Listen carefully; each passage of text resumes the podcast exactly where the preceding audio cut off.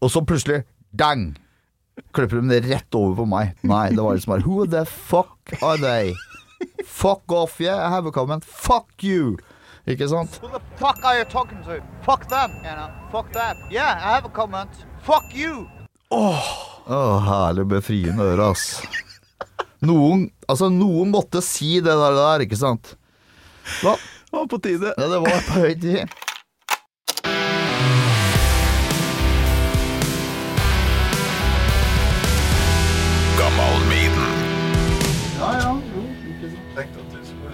Sitte bortpå her. Her sånn? Eller? Ja, på den her. Men la oss Du- eh, gå inn på det jeg tenkte på jeg skulle snakke med deg om. For jeg tenkte, hva faen skal jeg snakke med deg om? Nei, Sånn men, eh, med du- greiene. Jeg tror vi skal bare sette i gang. Jeg, merker jo Ja. at du er en skikkelig det vi på trøndersk kaller pratmaker. Nei, jeg har Så- stått så og du- fått av meg kaffe. Da kan det hende at det renner litt ut. Men eh, ja. Så det her kommer jo til å bli helt konge. Kan du sjekke om du har lyd på noe headset som ligger og slenger på sida di Det er der? som er sånn teipa Kommer noe lyd her etter hvert, skjønner du. hei, hei. hei. Ja, det er lyd. Ja, Du har lyd. jeg har lyd. Skal vi se. Men da Er du klar? Jeg er klar. Gammal Med Torkil Thorsvik. Hjertelig velkommen til Gammal Maiden. Jørn Stubberud. Takk for det. Og så må jeg si grattis, for nå har det skjedd mye greier i det siste. Uh, Spellemanns hederspris siste, og så Rockheim og alt. Hva, hva er det som foregår? Ja. ja. Det er koselig å bli satt pris på. Er det ikke det? Jo, det er ikke det. Jo, det er det. Ja, nei eh, hva, så- hva skal man si? Hva skal jeg si? Jeg så jo det det si? klippet der du fikk prisen. Du så jo ganske overraska ut, da. Ja. Du vet, når Altså, når det gjelder sånn Spellemannspris og sånn, så er det gjerne en sånn eh, Man blir nominert til en eller annen kategori, og så Da veit man jo om det. Så det Mm. kommer jo ikke noe overraskelse som noe overraskelse, det. ikke sant? Overraskelsen er kanskje at du blir nominert, da. Men det er ikke noe overraskelse det heller, for du sender jo gjerne inn et bidrag først Mm. for å bli nominert. Eh, så når, de, når Seltzer, som eh, er eh, programvert for den her Rockheim Hall of Fame, ringte meg og sa at vi skal gjøre noe TV-greier, ja. så trodde jeg jo selvfølgelig på det. Det var jo ikke noe Det var veldig troverdig. Mm. Og så Når han drar opp den der prisen og den bagen der Da blei det Klart da blei jeg overraska. For det Ja. Det er god TV, der, jeg skjønner. Å Ja, bli det er lurt. liksom sånn Ja, jeg vet da faen. Egentlig så syns jeg det Ja, jeg veit ikke om jeg syns konseptet å bli lurt, liksom Jeg, synes, jeg tror NRK syns det var morsomt. Ja, ja, ja. Ikke sant? Det, det der elsker NRK, TV2 og alle de her kanaler. Ja, ja, ja. Men det skal eh, lures, og det skal overraskes. Du skal ha det så real som mulig, da. Jeg skjønner jo det, det er klart det. Men det jeg syns er kult, er at jeg merker at uh, du er ikke den typen som uh, liksom sier 'fuck Spellemannsprisen, jeg bryr meg ikke'. For det, det er det mange som har prøvd opp igjennom. Jeg tror ikke helt på det. For det, det er jo en anerkjennelse uansett hvordan du snur og vender på det. Ja, altså, nå var det jo også bransjen sjøl, ikke sant. Det var ikke plateselskapene, liksom. Det var ikke VG Topp 20, liksom, som, som plukka ut denne prisen her. Det var liksom bransjen sjøl. Men det er jo litt sånn som Hollywood og sånn, når de feirer seg sjæl og sånn. Det er eh, mye pomp og prakt og sånn, men det er jo dem som har regien, ikke sant. Mm. og øh, for showet. Og den feirer seg sjæl. Så det egentlig så er det Ja, det er jo litt sånn Litt snodig, egentlig, hele greia. Ja. Men uh, nå er jo det et, vært et e- establisert uh, ting her i Norge så jævla mange år. Og, vi har, ikke og vi har jo ikke noen andre sånne ting her i Norge. Uh, ikke noe sånn særlig tilsvarende, egentlig.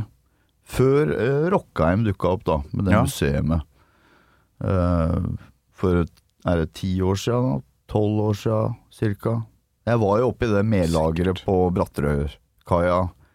eh, med sånn hard hat og ble vist rundt omkring på visjonen deres, da, ikke Ja, sant. Du var det. Ja, når det var bare fortsatt et, bare et mellager, ja. Ja, ikke sant? ja, ja. For vi skulle jo rekonstruere det gamle lokalet vårt vet oppå der. Ja. Gamle det som eh, Gamle hønsehuset. Ja. Vi har øvd litt rundt omkring. Vi har, hatt, vi har øvd en grisebinge, og så har vi øvd øh, øh, et, altså Han havna vi i det hønsehuset etter hvert, da, som Rockheim øh, øh, ville rekonstruere fordi ja, altså Ideen var å lage et, vårt, rekonstruere vårt gamle øvingslokale, basically. Og så Mm. så donerte jeg alt som sto der i lokalet. De gamle høyttalere, kabinetter og litt sånn gamle forsterkere og litt sånn forskjellig. Blant annet den gamle sofaen som jeg hadde hatt på gutterommet mitt hjemme hos mora mi. Um, som jeg hadde dratt på det gamle lokalet um, på eh, slutten av 80-tallet. Ok. Hvordan så Og, eh, og den har stått der på lokalet, da, ikke sant? gammelt hønsehus. Uh, Så den fikk jo den der eiendommelige lukta, da, ikke sant? for det blir du aldri kvitt, uh, den der hønsemøklukta. Så jeg heiv den bak i leiebilen jeg hadde, sammen med resten av dritten, og kjørte over fjellet. Eh, Vi installerte hele greiene der inne på, og så kom det dagen etter, og så så hadde faen meg den lukta satt seg inn i rommet der. Så dem, alle på Rockheim, den prika jo helt ut og liksom eh, Faen og ikke sant. Men jeg prøvde å si til dem at dette her er jo third dimension. Her er det jo til og med lukta i tillegg. Så det er jo Men de har eh, De beholdt sofaen. De, de måtte står pusse den der opp. og stinker den. Nei, de måtte dyprense den. Så den er dyprensa og, og, eh, og sydd opp.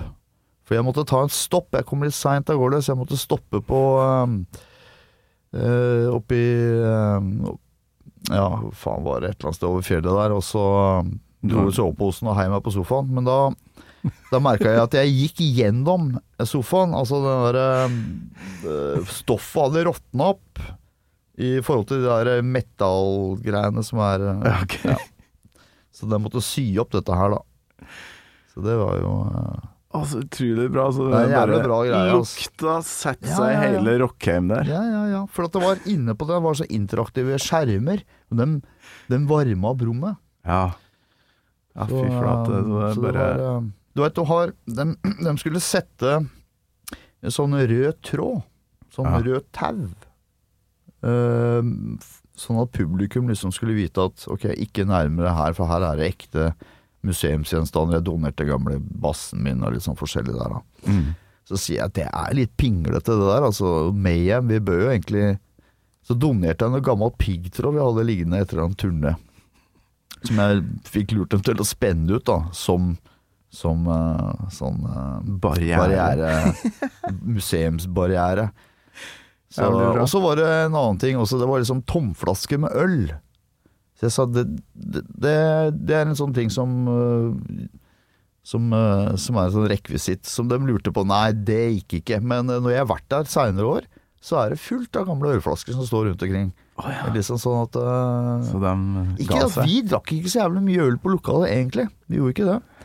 Men uh, vi var ikke noe særlig flinke til å rydde opp heller, så hvis det var noen som var innom Mm. Equinox-gutta kom inn øh, fra Fredrikstad, eller noen andre kompiser Da hadde de altså med seg noen sixpacks med øl, ikke sant. Ja. Det er ikke akkurat som vi fløy og pelte opp flaskene, så den ble stående der i flere år, ikke sant. Ja, ja. Det som slo meg da jeg hadde fått deg på kroken til å komme hit, var jo at eh, det skjer jo jækla mye greier om dagen. Eh, Helveteserie nå på NRK.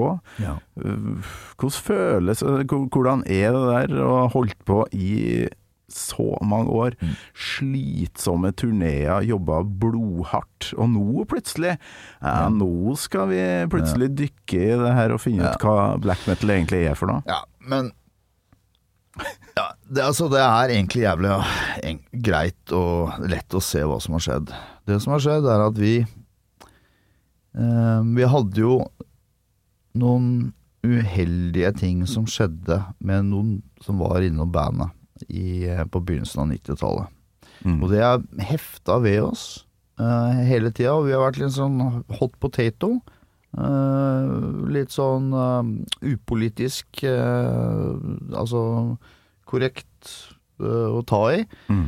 Eh, og Så Men til slutt så presser det seg på, på grunn av det at eh, norske myndigheter og norske ja, norsk presse og sånn, de, de er jævlig opptatt av hvis norske band og artister gjør det bra i utlandet. Mm. Og det har jo vi gjort i flere tiår. Så til slutt så, så blei bare presset for stort. At de var bare nødt til å begynne å nevne oss eh, mer frequently. Og så Og så var det ene etter det andre så som, eh, som har gått i riktig retning. Og så, når det til slutt uh, kulmer, La oss si det kulminerte med at NRK nå skulle lage en skikkelig um, dokumentar om dette her. Først så var jeg veldig skeptisk, men de la ut hele planen og for meg der, og så tenkte jeg ok, jeg kan Jeg blir med på dette her, da. Så jeg ga dem access til masse gamle bilder og videosnutter og, og sånt noe. Um, og så um, så ser jeg det at, Men før det så ga jeg ut en bok for seks år. Og det åpnet på, Ask, på Aschehoug forlag. Og da var det også en del folk som um, Det åpna noen nye dører, det òg. Da var vi plutselig på Litteraturhuset, ikke sant, og Ja. begynte å holde foredrag eh, og, og sånt noe.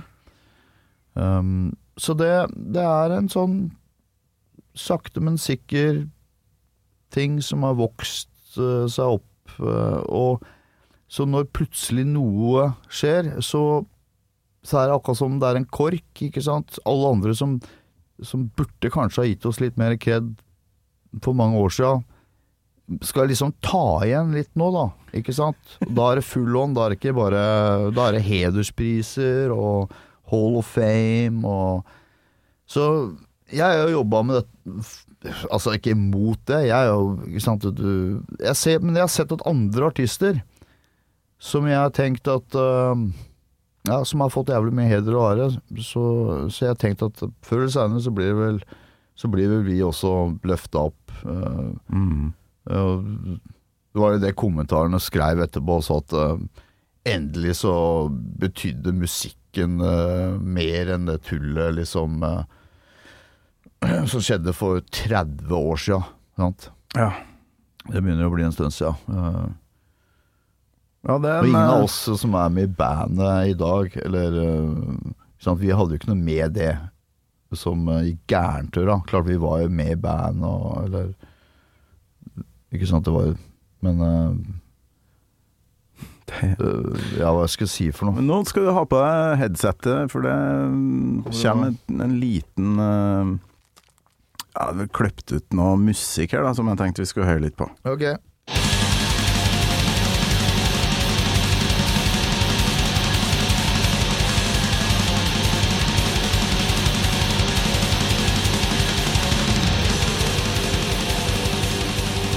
Fra Demon, siste albumet til Mayhem. Uh, Det her henta jeg på Spotify. Vet du om dere blir strømma noe særlig, eller er dere sånn vinyl og kassett og CD-band? Nei, det er jo mest strømming.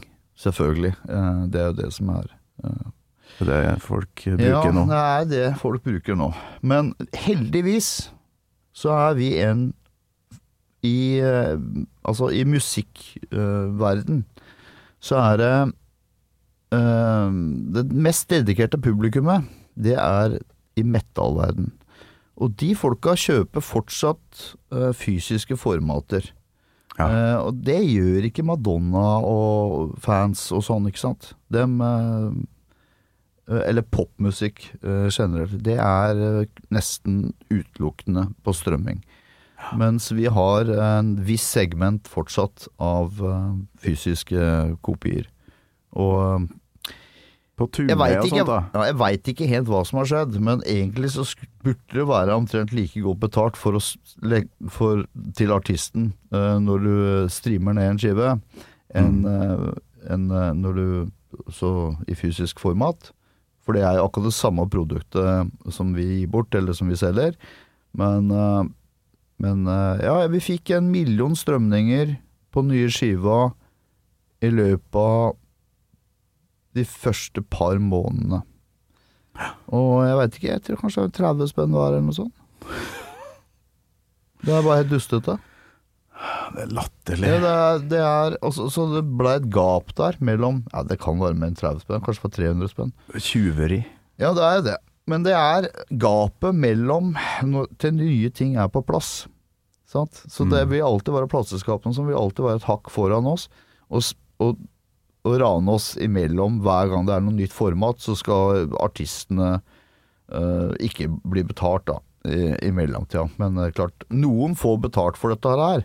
Mm. Um, Det er jo de Så- store selskapene da, vi får bare gjøre som. Jay-Z og sånn, starte vårt eget strømmeselskap, og så bare skrive at vi har tre milliarder nedstrømninger, og så, og så bare cashe inn.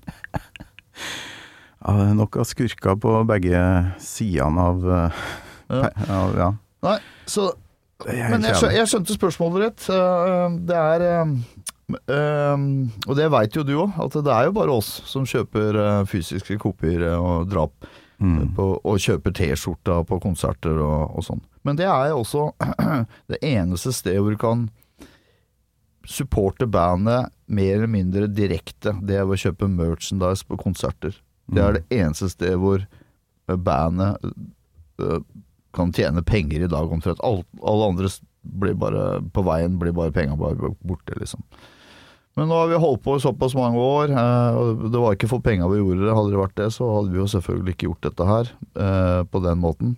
Um, og um, at man etter så jævla mange år klarer å betale regningene liksom i moderat øh, Altså vanlig norsk Som en vanlig norsk borger, liksom. Mm. Da kan jeg si én ting. Er at vi, vi er jo allerede på museet, vi er liksom der og der, ho hei. Og eh, en del av de utmerkelsene vi har fått og, og blitt anerkjent for, er eh, andre kunstnere måtte, vi, måtte vente til de var daue for, for å få. Så, så sånn sett så, så er jeg rimelig fornøyd. At, uh, at jeg fortsatt er i live og, uh, og får inn uh, og ser, og ser ja, frukten av arbeidet, kan Mm. du si. Ja, det er godt å slippe å dø før man blir anerkjent. Ja. Reflekter litt over det det. det. Nå ble det mye 2021 eh, her, eh, Jørn. Vi skal Ja. tilbake i tid, rett og slett. Eh, For min del, da. eh, Så var jo det første litt sånn opprøret for min del var gjennom Iron Maiden. Så det er jo det det handler om her. Husker du første gangen du hørte da Met? Favorittband da jeg var tolv år? Iron Maiden. Ja, det husker jeg. Du husker det? Ja, jeg husker det. Jeg var Skal vi se Må jeg tenke litt tilbake her. Ehm, jeg hang sammen med folk som var litt eldre enn meg, og um, Så jeg var vel kanskje Det må ha vært i var det 1980 Mm. Kan det ha vært i 1980? Da Eller- kom i hvert fall første albumet deres, da. Når kom uh, 'Number of the Beast'? Det var 82, og imellom er det jo da Killers. Ja. 82, ja.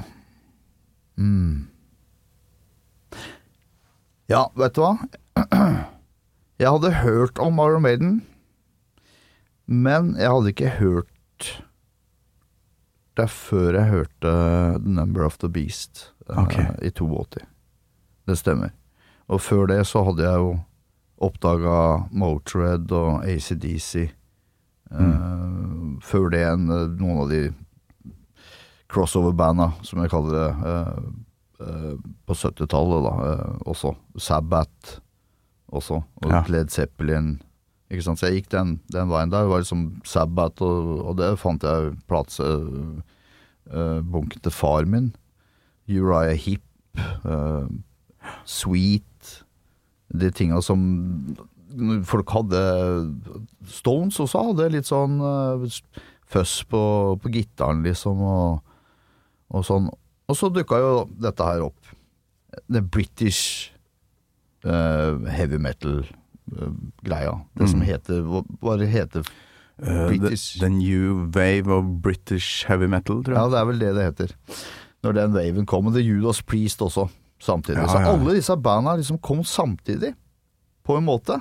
Mm. Eh, antageligvis til disse her butikkene eh, Electric Circus og, eh, og eh, eh, Gunerius eh, Hva var det den sjappa het? Eh, det var noen få sjapper her i Norge som drev og tok inn import.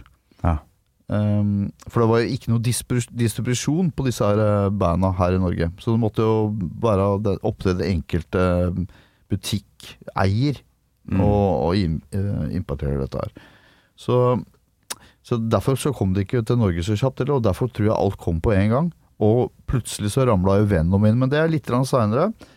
Så når vi begynte å høre på dette, så blei vi jo alle banda Vi blei fan av alle banda Mm. først. Og dro på alle konserter når de kom til Norge, eksempel. Når Peace of Mind, eh, når de kom til Norge med den turneen, da hadde de jo Ja. Jeg, jeg, jeg tror det var den første gang det var i Norge jeg. Var da? Ja, nå er de Men varma opp for Kiss og greier i, eh, i eh, 80, da. Men da var jo uten Bruce Dickinson, så det Kanskje Peace of Mind var første, ja.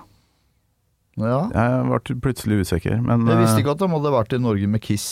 Visste ikke at, Norge, at Kiss hadde vært i Norge i 1980, eller? Nei, det var Drammenshallen, det òg. Okay. Flere som snakker om det som et sånn øyeblikk som, som man liksom burde ha opplevd. Ja, jeg skjønner det, men da var jeg bare tolv år gammel, så uh, Mitt første konsertøyeblikk var Rolling Stones på uh, Nye Ullevi oh, ja. i Gøteborg, uh, 1981. Da var jeg 13 år. Det Fikk med deg foreldra og sånt, eller? Ja, det var mora mi og onkelen min og liksom, hele familien min er store Stones-fans, hele Ja, gjengen. ja, ja. Så og Onklene mine hadde jo vært og sett Stones eh, på 70-tallet òg, ikke sant. Ja, ja. Du virkelig... Har faktisk et Stones-klipp her. Eh, Prøv å gjette hvorfor jeg spiller av det her.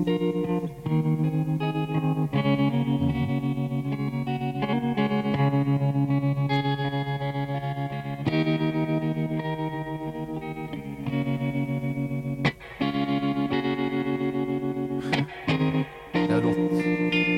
Der! Hvorfor eh, spiller jeg av det, tror du? Ja, nei, det Den eh, Du har prata om det her, nemlig. Ja, Det er en spesiell, eh, spesiell låt det der, der altså. Ja, hva skal jeg si um, uh, Ja, den låta der, den traff meg hardt. Av en eller annen grunn. Det, det er et eller annet med den gitaren der i begynnelsen der, den introen der, som Det er Jeg veit ikke, den, den traff meg jævlig hardt. Det, og den har jo vært med meg i mange, mange år. Og så plutselig oppdaga jeg det at eh, i et intervju med Keith Rickards, så sier han at uh, de var i studio og spilte inn eh, eh, noe som het uh, Metaforces. Jeg vet ikke om jeg sa det helt riktig. Uh, Metamorphosis, tror jeg. Morphosis, ja, nettopp. Uh, den skiva. Og, og um, etter uh, Som jeg forsto, da, så var jo det Mick Taylor sin første opptreden uh, og engasjement for Stones. Og den var i studio, og det var den dagen eh, Brian Jones eh, drukna i svømmebassenget sitt. Eh, det var den dagen de spilte inn den låta der. Og hvis det stemmer, så er jo det helt sinnssykt, egentlig. Eh, med tanke på eh, Med tanke på hvor Altså Det riffet der og, og Mm. hele atmosfæren antageligvis, at, antageligvis en slags atmosfære der. Som, som, blei, som var i studio, som jeg har plukka opp. Liksom, for det første gang jeg hørte det, så tenkte jeg å, fy faen, den, det var sterkt, liksom. Hvorfor det? Det tenkte jeg aldri på. Men eh, når jeg hørte det etterpå, så, så slo det meg at wow. Og så, så når jeg skrev denne boka mi, så fikk jeg noen oppdrag om å gjøre noen, eh, noen sånne bokbad Ok. Og så var det et eller annet som eh, så sa til meg, underbevisten min sa til meg at den låta der, nå skal du ta fram den låta der, og spille den som intro til disse bokbadene dine. For at jeg ville at Underbevisst så ville jeg at publikummet skulle være i den sta... Altså komme i den stemninga som jeg sjæl føler når jeg hører den låta. For da vil den være mer klar for å høre hva jeg hadde å si. Funka? Ja, det funka som faen. Uh, ingen skjønte noen som helst, selvfølgelig, men Eller skjønte det. Jeg tror alle skjønte det egentlig, uten å skjønne det. For alle kom i den riktige stemninga. Det, var, det er noe sårt ved det der. der. og, uh, og så hadde jeg også litt sånn kjærlighetssorg akkurat på den tida. Så, okay. så da dro jeg en annen låt som hadde treffet meg litt. Rann. Eh, og det var den derre uh, Det var en låt, uh, Cardians-låt.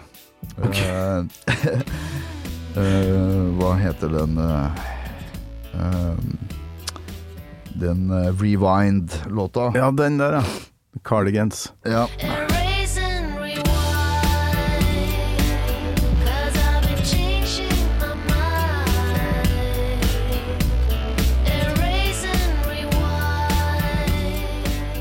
Da tenkte jeg meg sjøl, dette er så trist, altså. nå kan dere bare høre på den låta og gråte en liten skvett.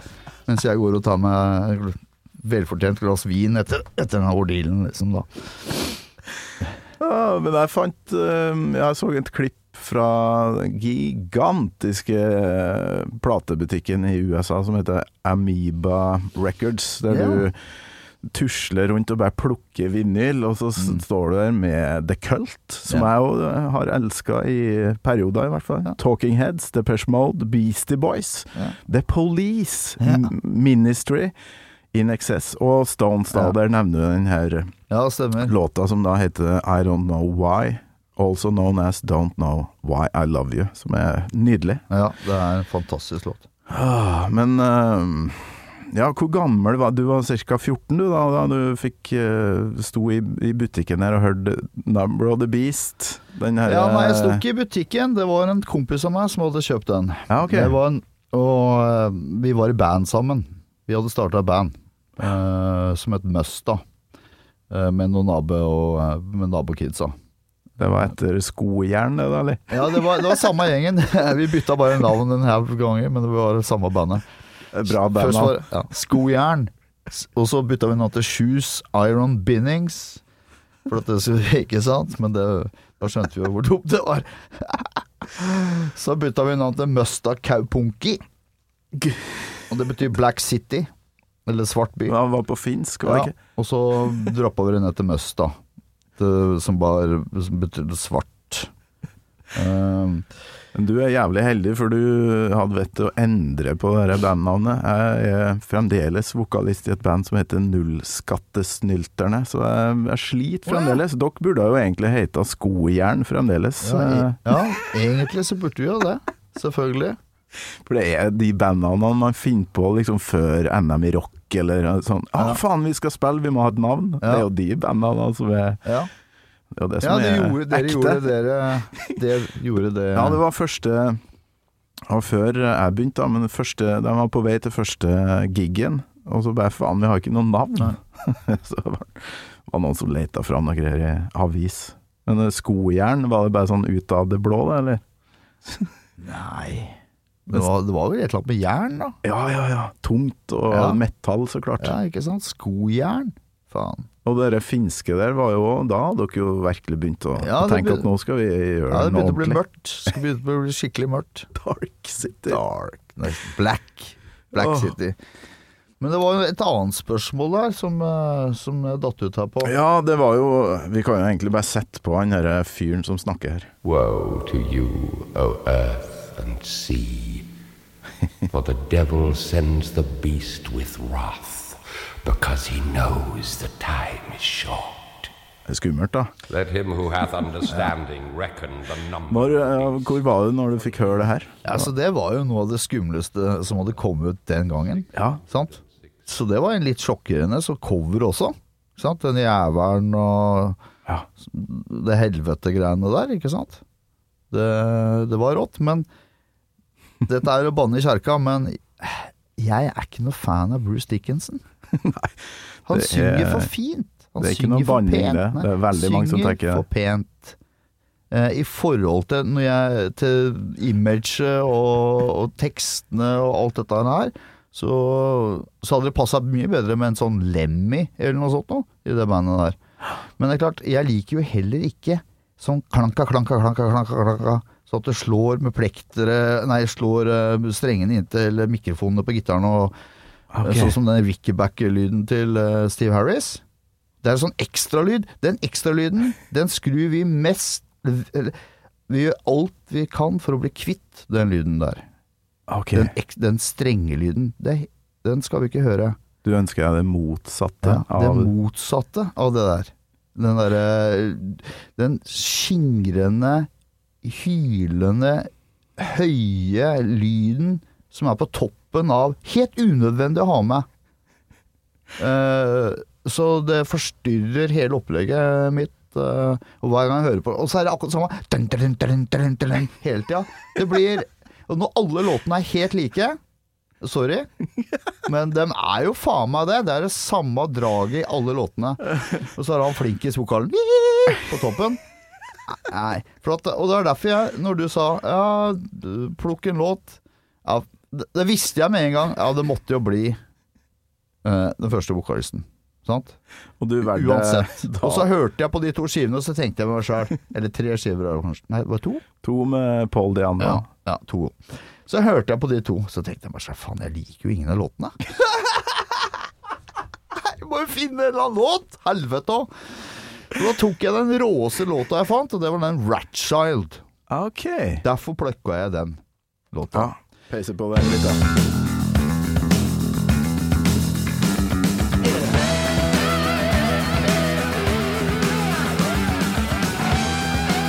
Ja, Der har vi stemninga i den låta. Den liker du altså? Ja, men, Litt. du, men du hørte den basslyden? Klakk, klakk, klakk, klakk, Ja, klakk, ja. Helt jævlig å høre på, ass. Jeg elsker den der bassen til Steve Harris. Uh, han har jo visstnok uh, forska for å liksom få fram den lyden Ja, der. For han vil jo bryte gjennom den her muren av uh, twin guitars, Ja. ikke sant? Ja. Og det klarer en jo. Ja. Mens du prøver å gjøre det motsatte, spiller, men bruker du plekter? Ja. Du spiller med en plekter, du? ja, ja. Ja, Klart det. men uh, Du kommer ikke opp i de hastighetene der med fingra. Det gjør ikke Harris heller. Nei. Nei. Men uh, hva er det med Ratchild som du, der du tenker at ja, kanskje? Det var noe med råskapen i det, og Paul Diano, ikke sant. Uh, og synger den Han synger ganske tøft, syns jeg, på de to skivene der.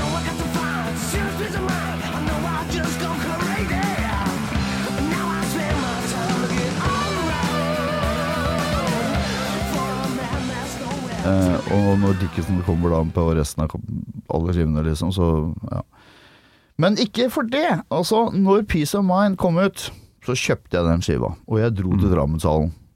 Ja. Og fikk et jævlig kick ut av det. Jeg syns det var dritfett. Og selvfølgelig, jeg er 83 jeg hadde jo ikke sett uh, Det var en av de første metal-showene jeg hadde sett. Jeg hadde sett TNT Oh, ja. på, uh, med, med Stage Dolls på Faen heter det? Det er på Youngstorget der, i Folkets hus. Uh, det er en sånn rar venue som det er bare sånn Jeg tror det er bare sånn der for Som Arbeiderpartiet og sånn har holdt på i. På, oppå taket der? Nei, det er i kjelleren. Det er i kjellerlokalet Har aldri vært, tror jeg. nedafor uh, Under Folkets Nei, jeg har bare vært der én gang sjøl. En På TNT? Ja, på Var TNT. det liksom Nights of the New Thunder med Nei. vikingskip Nei, og full nei, pakke? nei, nei, nei, nei, nei. Det var uh, med? Dag Ingebrigtsen og Det var eh, Harley Davidson og Harley Davidson. Ja, ja, ja, ja. Og den pakka der. Det, det var det første metal-showet. Eh, jeg så også The Kids på Momarken året før det, husker jeg. Eh, og da syns jeg det at eh, eh, At eh, jeg ble litt rann, Det var vel egentlig det første metal-bandet som jeg så eh, i Norge. Altså metal-band, var kanskje med rock, men Ja. Ja, The Kids, ja. er The Kids. Uh, Hvordan var det live, egentlig? Nei, det, det funka, det. Altså. Det var tight og bra. Altså, jeg var jo tolv år gammel eller noe sånt når jeg så dette her, så Midt i målgruppa, egentlig. Så jeg hadde vel aldri vært på konsert med skikkelig P-anlegg og sånn, så bare det var jo svært, ikke sant. Ja, men det er kult å høre egentlig at du da Du er ikke født uh, black metal-bassist. Du var innom Maiden og var og så dem på Peace of Mind-turneen der. Ja, ja, Og jeg, digga det? Jeg, jeg digga det som faen. Så året etter, det var to år etterpå, så kom de ut med den der Powerslave. Og da kom de ikke til Norge, og da blei jeg med noen Uber-fan til Gøteborg for å se dem da. Du har vært der og sett dem? Ja, ja, ja. I helsike. Og da var Motley Crew oppvarming. uh, Ja, perfect match. ja, Altså, jeg så Motley Crew på, um, på noe som het uh, Monsters of Rock i 83. Da, kom, da var de ute på med den derre Shout at the Devil ja, ja, ja. Devil-turneen. Eh, og da var det, det Det var litt Altså, den Jeg var ikke så inn... Når de kom ut med den derre Too Fast for Love Jeg hørte dem allerede da. Jeg syns ikke den var så jævlig kul. De hadde Ok. en, det var to låter som var litt sånn driv-overe ja. uh, på den skiva. Og så kom den der Shout at the Devil, og da, da tenkte jeg ok, det bandet her går i riktig retning. Ja ok. Hvis du skjønner? Ja, ja. Men det gjorde vi jo ikke, da. Det var, men uh, vi hadde håpa på det, da. Sant? Men eh, så når vi kom ned og så dem da når de åpna for Maiden der, da var det jo nytt show. Da hadde de jo kommet med den andre neste skiva der. Den tredje skiva. 'Theater and Pain', eller 'Theater, Theater of Pain'. of Pain, ja. Ja. Ja, da var Da, da, da mista du meg, for å si det sånn. Men, Men all, samtlige band skulle jo lefle med Devil eh, 666-greia, for det var vel Ja. Da fikk du jo Jeg presseoppslag. syns jo den Powerslave Jeg syns jo konsert Jeg husker at konserten var bra. Uh, og at jeg likte noen av låtene på Powerslave. Um, men Takk, takk skal du ha for at du sier det. jo, bare, bare hyggelig. Eh, så etter det Jo, så kjørte vi av veien på vei hjem. Ok. Ja, total av bilen, og så praia vi ned noen Vi var like ved grensa. Praia ned noen eh, biler, og så ba de å ringe til Redningsselskapet, men så kom politiet isteden. Uh, jeg var passasjer, uh, så ok. Men vi kom oss Jeg husker ikke åssen Vi kjørte i hvert fall ikke den bilen videre. Den var total husker ikke akkurat om vi fikk noen til å hente oss eller noe annet. Så det var den Det var siste gang jeg var på Iron Maiden. Ja. Nei, vent litt! Ja, nå er jeg Så spiller vi i Frankrike. I et sted som heter Strasbourg. Strasbourg. Ja, og festivalen heter Artifac, eller noe sånt noe. Ok. Uh, og vi skal åpne for Iron Maiden. Åpne for? Ja, altså vi er det siste bandet på, på den scenen før dem kommer på. Så da er det jo det. Eh, det så jeg på bilen når vi kom dit. Tenkte yes, ok.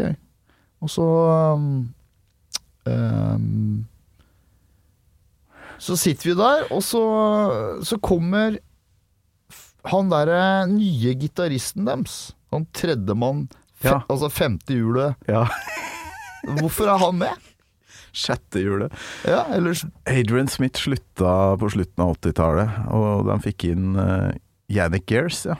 Ja, men så kom Adrian tilbake igjen. Ja, men da var de, uh, syns de uh, Yannick For da han har begynt å skrive låter og sånn, og passa veldig godt inn Ja. i bandet, så de, okay. de bare beholdt den. Okay. Og da er det faktisk et par låter da som, som funker bedre live, fordi de har jo lagt på gjerne tre, tre gitarer Ja, i studio, ikke sant? Så, Det gjør vi jo. Ja. Og så er en uh, kul på scenen, står og gjøgler og styrer på. Så Ja, det er det. Ja, beholdt den, de har råd til det. Ja, ja, det var det jeg la merke til, ja. Han sto liksom bare og slang gitaren rundt, liksom, og Ja, ja, så du så dem da, i Frankrike? Ja, jeg gjorde det. Da hadde jeg jo orkesterplass, ikke sant. Da satt jeg jo på scenen og kikka på det. Ja. Og så dem close by. Men det som slo meg, er at uh, flere timer før konserten så kom han der uh, femte hjulet ned. Og, og gikk liksom rundt blant backstagen, som var en gjeng med Jeg husker ikke om det var containere, eller om det var brakker eh, spredd på et jorde der bak scenen. Så han gikk rundt og sprada der eh, lenge. Eh, og så Men jeg så aldri noe til resten av folka. De kom aldri. Og så Så gikk, plutselig kom introen på, og så, så ser jeg plutselig kommer det et par eh, passasjerbiler, og da kom resten av bandet. Ok. Sant? Det, vi har også, eh, jeg har også opplevd det at eh, mange av de folka som Altså Nå har vi vært på veien i snart 40 år, ikke sant. Så at for meg så er det Ja, jeg vil ikke vil ikke blasé, basert, på dette, Men, eh, men altså det, for meg så er det sånn at det, det er ikke noe big deal å henge backstage og sånn. Det er egentlig bare stress. Jeg vil heller slappe av og komme de siste elita. Mm. For det er litt sånn derre eh, Jeg syns det er eh, Ja, det er eh, Det stjeler energi fra meg. eh, Hvis jeg er på og sitter på backstage og venter. Så, så Men alle de nye folk som ikke har opplevd dette her så mange ganger, dem vil jo soak up the atmosphere ikke sant, så ja, mye ja. som mulig. Og det la jeg merke til at den fyren der Gitaristen av Iron Maiden liksom, han eh, var liksom akkurat som en fjort fjortis, ikke sant, så kom det som aldri hadde spilt gig først før i hele sitt liv, og liksom var der og sugde til seg liksom og var, eh, til, Ikke sant? Eh, Ja, hele så ek experiencen der. Og, men, eh, men det var jo også jævla fett òg. De hadde noe av det beste cateringa jeg har sett i hele mitt liv. Eh, når franskmennene skal stå på, slå, slå på stortromma når det gjelder gourmet, Ja. og har Iron Maiden på besøk, da veit du at eh, det var Det var ikke Du hadde alt det der froske-froglegs og Ja, ja. eh, ikke sant, snegler og alt det der, men du hadde en hel haug med andre ting også, som superhøy kvalitet på.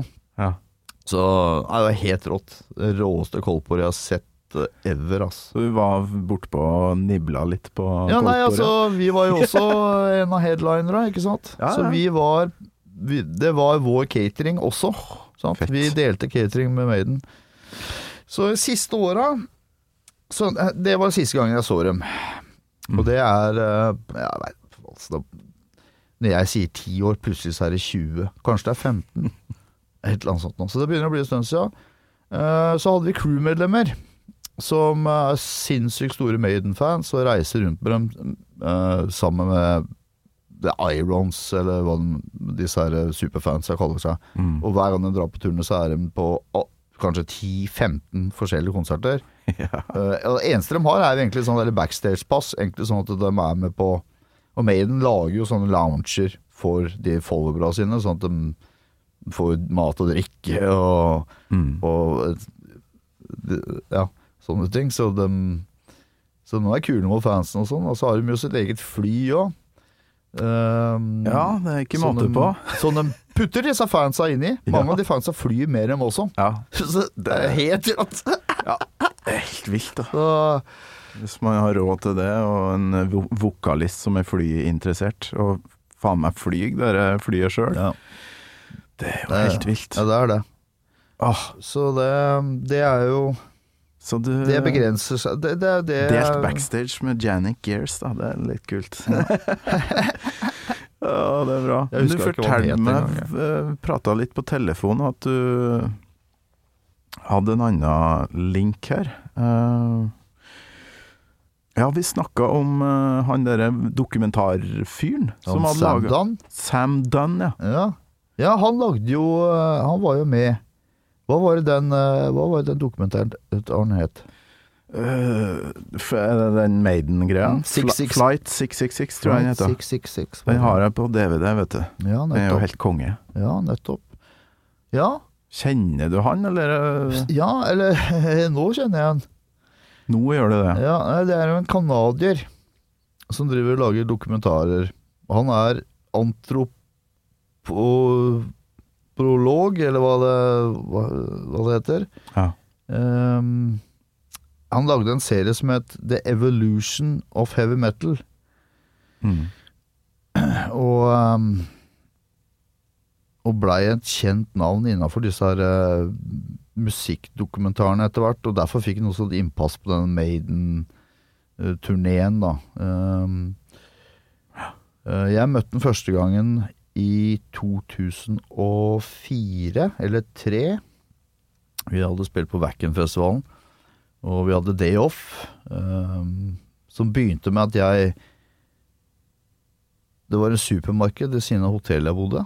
Skulle jeg gå ut der for å kjøpe frokost. Og så er jeg bare nordmann, så når jeg kommer inn i et uh, tysk supermarked og skal kjøpe frokost, så må jeg gå forbi den lange hylla med sprit. Så kommer jeg ut med en flaske Tequila og en sitron.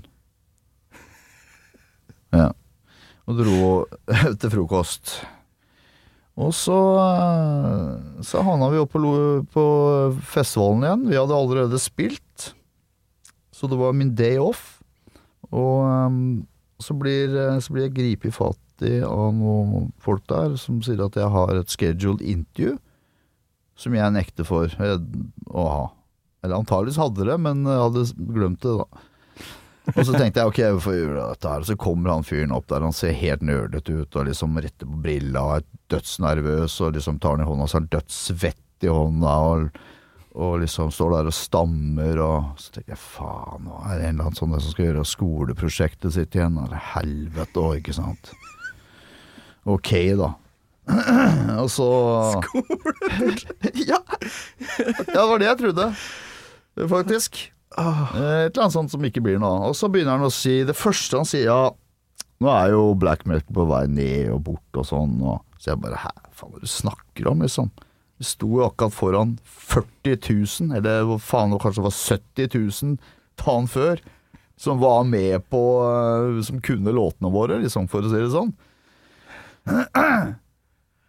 Så det kommer fra scenen, når du har stått på scenen foran 40 000, så kommer det bort en fyr som sier ja, dere er jo på vei ned, liksom. Og, og da tenkte jeg faen, hva er det du snakker om? Så prøvde Ja, they are saying jeg, Ok, who are they? Men jeg var jo allerede drita full, da, så så jeg ser jo Så har de jo så, så etterpå så glemmer jeg dette her, selvfølgelig. Og så, så ringer telefonen min he, mye over en lang periode. En eller annen som skal ha meg til å signere noen papirer for at han skal komme ut med en film jeg er med i, som jeg allerede har glemt at jeg er med i. Eh, og, eh, og jeg sier til fyren, for han er helt desperat Ja, du må signere, du må komme deg til en faksmaskin! For dette var før internetten og sånn, da. Eh, nå kommer det til en faksmaskin, og så Sånn og sånn. Jeg bare Ja ja, når jeg kommer meg på en faksmaskin For jeg kjenner jo ikke noen Jeg flyr jo ikke rundt på noen kontorer til vanlig, ikke sant. Så det drøya rakka. Så var jeg på ferie, så ringer det jævla US-nummeret, eller kanadiske nummeret igjen. Og han begynner å gå på igjen, ja, og begynner å slags skjelle meg ut. Ja, nå har jeg investert million kroner og blapp opp. Og jeg bare Fy faen. Nå er jeg på ferie. Det koster meg penger å motta telefonsamtaler. Det er forbanna kødd. Hold ikke sant? Aldri ring meg igjen. Ikke sant? Og så la jeg på. Og skreik 'fuck you' og sånn. Som vanlig stil, ikke sant. Og så Så kommer den filmen ut. Og da skjønte jeg hele opplegget. For at det, jeg visste jo ikke at det var han Sam Dunn jeg snakka med, eller. Og at han måtte ha min godkjennelse for at eh, Altså, andre folk ville kanskje saksøkt, kunne finne på å saksøke, og de er veldig sånn vare for det borti USA og Canada der. For det er veldig vanlig å bli det, da, ikke sant. Så de måtte ha min underskrift på at dette var ok. Um, uh, ellers turte de ikke å lagre, og det var liksom Når jeg Ja, for alle som har sett den der Evolution of the Cult, eller hva den heter for noe, så eller Evolution of Heavy Metal Evolution, så skjønner du at hovedpunktet, eller den største greia inni der, er jo det lille intervjuet med mitt, mitt der. Som er liksom lyspunktet inni den kjedelige dokumentaren hans der. Så det er derfor han måtte ha med det, ikke sant. Sprita opp dokumentaren. Ja, ja, og det var så herlig når jeg satt og så på det, så ser du liksom um, det? Alice Cooper, liksom, sitter der og stor og høy på seg sjøl. Ja, det var jeg som fant opp den der heavy metal, når jeg kom på dette heavy rain i 70-tallet, og jeg ler av disse gutta, disse black metal-gutta som kommer opp liksom og skal ha autografen min, og liksom, og jeg bare Så jeg bare Og så plutselig, dang! klipper de det rett over på meg. Der er de derre black metal-gutta som spilte om autografen hans, liksom plutselig skulle komme inn og Der er dem. Nei, det var liksom bare Who the fuck are they? Fuck off, yeah, I have a comment. Fuck you! Ikke sant? Der har du den, jeg. Det motsatte av det derre Ja, Mr. Alice, can I have your autograph? Nei, fuck off! Ikke sant. Så de, de fikk ikke eh, Så det var, autografen din, eller signeringa di på at det her var greit, da? nei, de gjorde ikke det. Nei, nei. Nei. Men jeg har eh, sans for humor sjøl. Og jeg, s- eh, så jeg lo jo godt sjæl når jeg så dette her. Tenkte fy faen, dette er jo morsomt som faen. Jeg er jo drita full og sånn. Og, men, jeg, men allikevel, ja. Ok, whatever. Jeg lo, så, så lenge jeg kan le av meg sjæl, så, så, så var det greit. Eh, Ja. Ikke sant. Skal vi høre litt på det, eller? Ja, greit. Jeg har eh, Jeg lurer på om det er 11 fuck på 20 sekunder. Nei, jeg tror det er 22. Ja, men jeg har tatt ut litt av det. Det er jo mer enn det her. Fuck all the rest. We're the best fucking metal act. If people don't recognize it, fuck them. Fuck vacuum, you know. We're just here to fuck everybody up. We have a violent history. People don't like it, fuck off. That's my opinion. Who are they? Bunch of fucking cunts. Who the fuck are you talking to? Fuck them, you know. Fuck that. Yeah, I have a comment. Fuck you. Å, herlig befriende øre, ass. Noen, altså, noen måtte si det der, der ikke sant? Da, Det var på tide. Ja, det var på høy tid. Og det var akkurat som Dagbladet og VG og sånn, eh, eller jeg lurer på om det var Dagbladet som sa Etter at vi hadde knust det hotellrommet nede i, nede i Nederland der for en ti års tid siden, at eh, ja, det var faen meg på tide at et rockeband smasha hotellrommet sitt igjen. Det var liksom på høy tid. Ja, ok. Og det var jo egentlig bare en, sist. Var, jo et uhell, da. For å si det sånn. På en måte. Ja, den siste her er jo best likevel. Yes, I have a comment. Fuck you. Ja, for da, da rant det helt over for meg med han fyren der, altså. Ja, ok.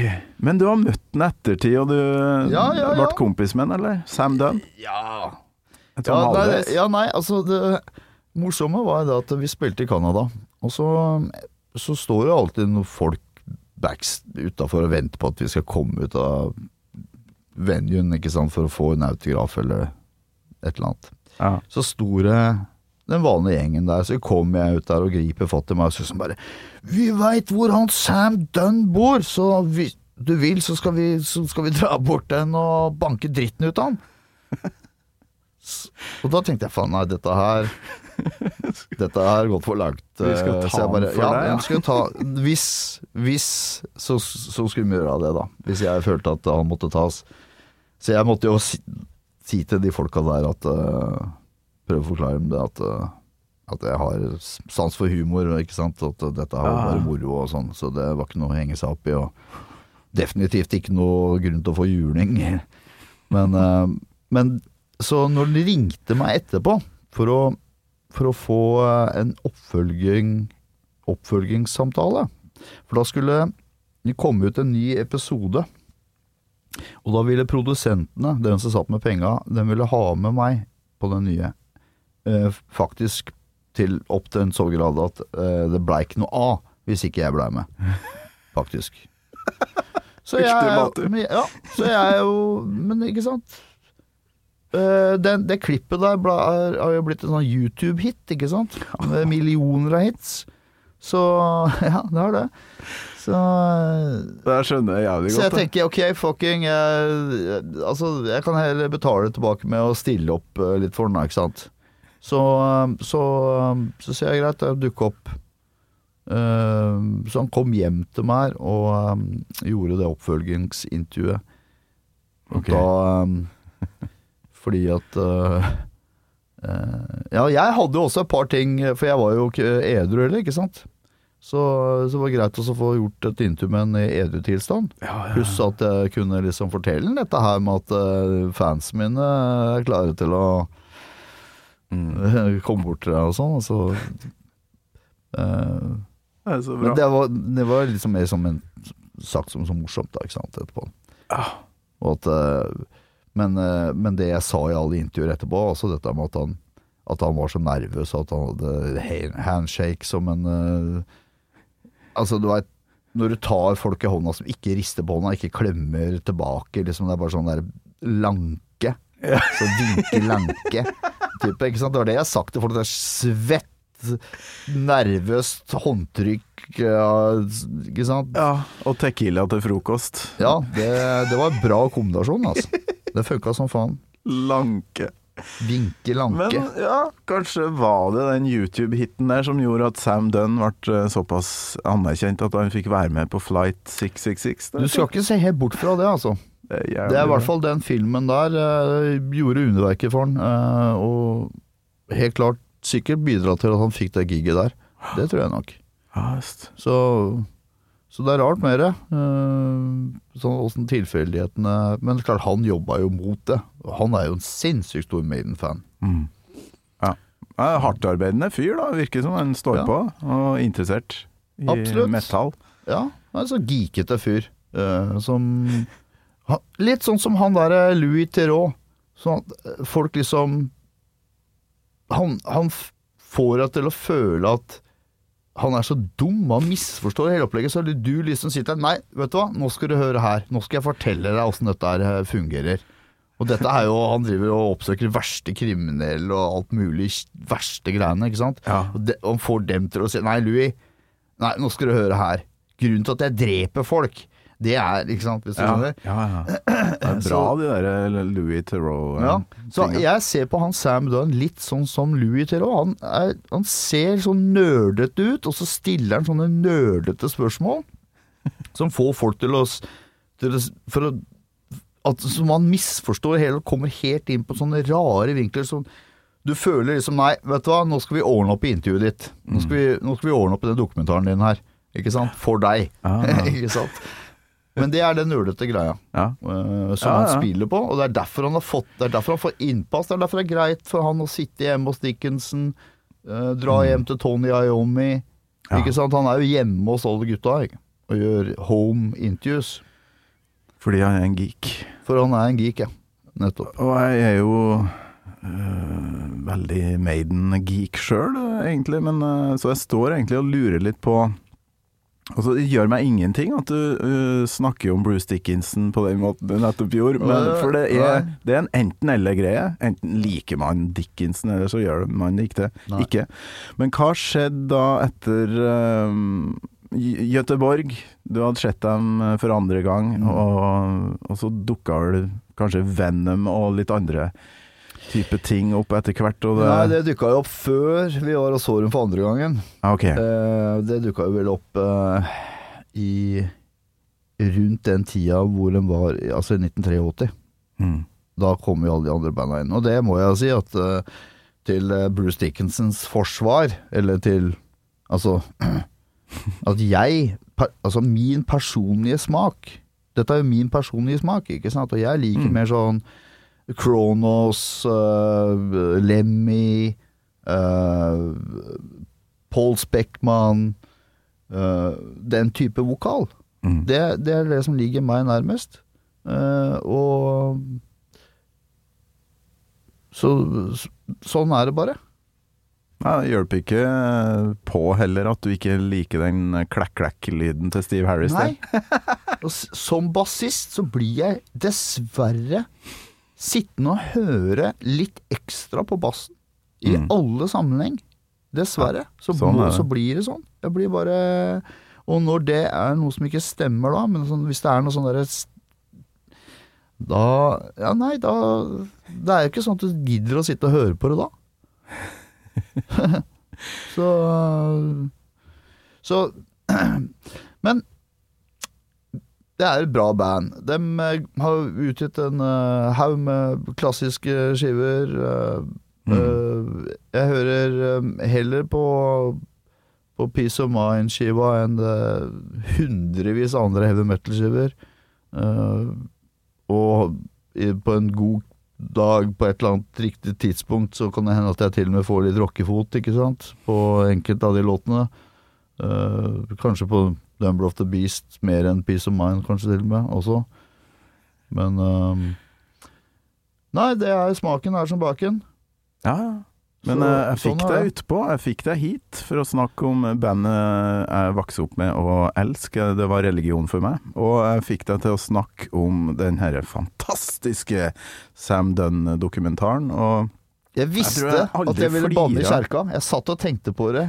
Fordi at dette har vi utsatt nå i tre uker. Eh, forrige torsdag så hadde jeg faktisk sovet i bare én time, så da gikk det bare gærent for meg. Og okay. dattera mi hadde vrikka fingeren, og liksom alt var gærent på en gang. Så jeg tenkte nei, dette er uff, jeg orker jeg Men så la jeg merke til faktisk at du hadde en gjeng med followers her i Norge som bryr seg om den her podkasten din. ja, jeg har borti det, altså. Og da tenkte jeg meg sjæl at de folka der, som eh, dem, ville, dem ville hatt godt av å, få meg inn i, inn i den Maiden-verdenen sin her på denne podkasten her. Er Og rett inn og banne i kjerka som faen, ikke sant. Klikk, klakk, lyd på bassen og flinkis-vokal, ikke sant. Men uh, ja, så jeg visste at det ville bli litt sånn kontroversielt. Ja, men, det det ikke, egentlig- men det er ikke verre enn det. Det er de to små tinga der, ikke sant. Og det er jo bare en bitte, bitte liten bitte, bitte liten del av det Iron Maiden er å stå for. Og, og dem har jo også, og det har jeg sagt det mange ganger når vi har vært rundt omkring i verden og når jeg gjør intervjuer og sånn, at uh, først så kommer Rolling Stones, så kommer Iron Maiden, så kommer Mayhem til landet ditt. Final words, for nå går det mot slutten her. Kan vi si fire ord om hva som skjer nå? For nå har du runda bransjen. Spellemann, eh, Rockheim, bla, bla, bla. Og, men vi har et jævla virus eh, gående her, da. Hva skjer? Ja. Vi Hva var i eh, USA. Eh, eh, hadde gjort en preproduksjon i Chicago. Eh, turbussen sto utafor. Uh, traileren var loada opp eh, med backline og alt var klart. Vi var på vei ned til Denver. Hadde kjørt i ti timer. Sjaffisen hadde gått og lagt seg på et motell, eh, og eh, i det øyeblikket Eller før han kom tilbake, så hadde vi bestemt oss for at eh, vi ikke kunne At vi måtte snu, kjøre opp tilbake til Chicago og komme oss til fuck ut av USA før de stengte hele landet. For at eh, Ikke sant? Så vi var der allerede in the shit. Tapte 400 000-500 000 på toppen av det. Eh, Så Så det var jo uheldig, og det var maks shit. Så kom vi hjem her, og så har det blitt som det har blitt, som alle veit. Men så har jeg blitt litt mer reflektert over hele greia. Uh, og så slo det meg her, når alle folk driver og spør Ja, fy faen, det her er kjipt og sånn, så, så var det én ting som skjedde her som var ganske bra. For jeg har ikke hatt noen ferie siden 1996. Men det visste jeg ikke sjøl. For at eh, selv om vi ikke har turneer, så er det liksom plutselig kan det komme en jobb. Ikke sant? Så du er on alert hele tida, selv om det er en liten periode etter en turné, eller at det kan bli en liten down-periode, så er du, helt, du er ikke helt fri. Men for første gang siden 1996 så har jeg hatt helt fri. Og da har jeg begynt å, å, og snu deg, ikke sant. Du må og tenke positivt, da, ikke sant, istedenfor å grave seg ned i det negative. Så heller tenke positivt på det, og tenke da fy faen, det er det første gang jeg har hatt ferie på, på faen meg snart 25 år. Så, så så jævlig gærent ble det ikke allikevel. Men hvis det ikke kommer tilbake til normalen, eller tilbake til en viss normal, så er det jo det er jo, Da er jo det selvfølgelig jævla bad. Men det tror jeg ikke. Så og Må det, jo, det må jo det. det kommer nok tilbake eh, til, på en eller annen måte. Og med det, så har- da har jeg liksom tenkt at eh, ok, fuck it. Da fikk jeg et år eh, fri. Nå, ok, nå blir det kanskje et år til, da. Nesten. Ja. Eh, men eh, Eh, Måten du fikk ferie på er jo kjip, men likevel ja, det var det. Men Midt i Du var liksom på vei opp Ja, og vi hadde akkurat kommet, opp- vi hadde akkurat kommet opp med en ny skive, ikke sant? så hadde vi akkurat gjort 30 gigs i Europa, eh, og så Russland og noen andre greier, og så skulle vi liksom komme i gang i USA da, ikke sant. Mm. Så eh, Men det blir eh, Det er eh, det, Så lenge det kommer opp igjen, så er det greit. Og det var ikke For min del, så Ja, jeg har vært på en konstant turné i 25 år. Så, så et år fri, det gjør egentlig ingenting. sånn sett. Mm. Men uh, selvfølgelig så Så uh, skulle vi jo vært dette foruten. Det er klart det. Du, jeg krysser fingrene for eh, at Mayhem og du kommer på scenen igjen. Jeg har hørt noen rykter om at du har noen spennende prosjekter på gang òg, via en annen podkast, så jeg, gleder meg til å få nyss i hva det er. Tusen hjertelig takk for at du kom og, og sa det som, som det var om Maiden. Du Ja, var takk ærlig. for at jeg kunne komme og banne i kjerka. Gammal Maiden med Torkel Thorsvik. En podkast fra Radio Rock. En ting som jeg skulle ha sagt, men som du kan si, og det, det har vi til og med lagt ut på, på, på sosiale mediene våre. Jeg står og eh, spiller den nye skiva med Ja. en sånn Bruce Dickinson-bass. Nei, eh, Steve Harris-bass. En sånn uh, Fender uh, Precision. Studio blå nå, Den blå en. Ja, ja, ja. Jeg har, skal jeg se Jeg har bilde av. Den ligger på Er du, hvorfor, er du på Instagramen vår? Ja. Der, der ligger det 'Tracking Base' for det nye album. Det ligger et stykke bak der. da.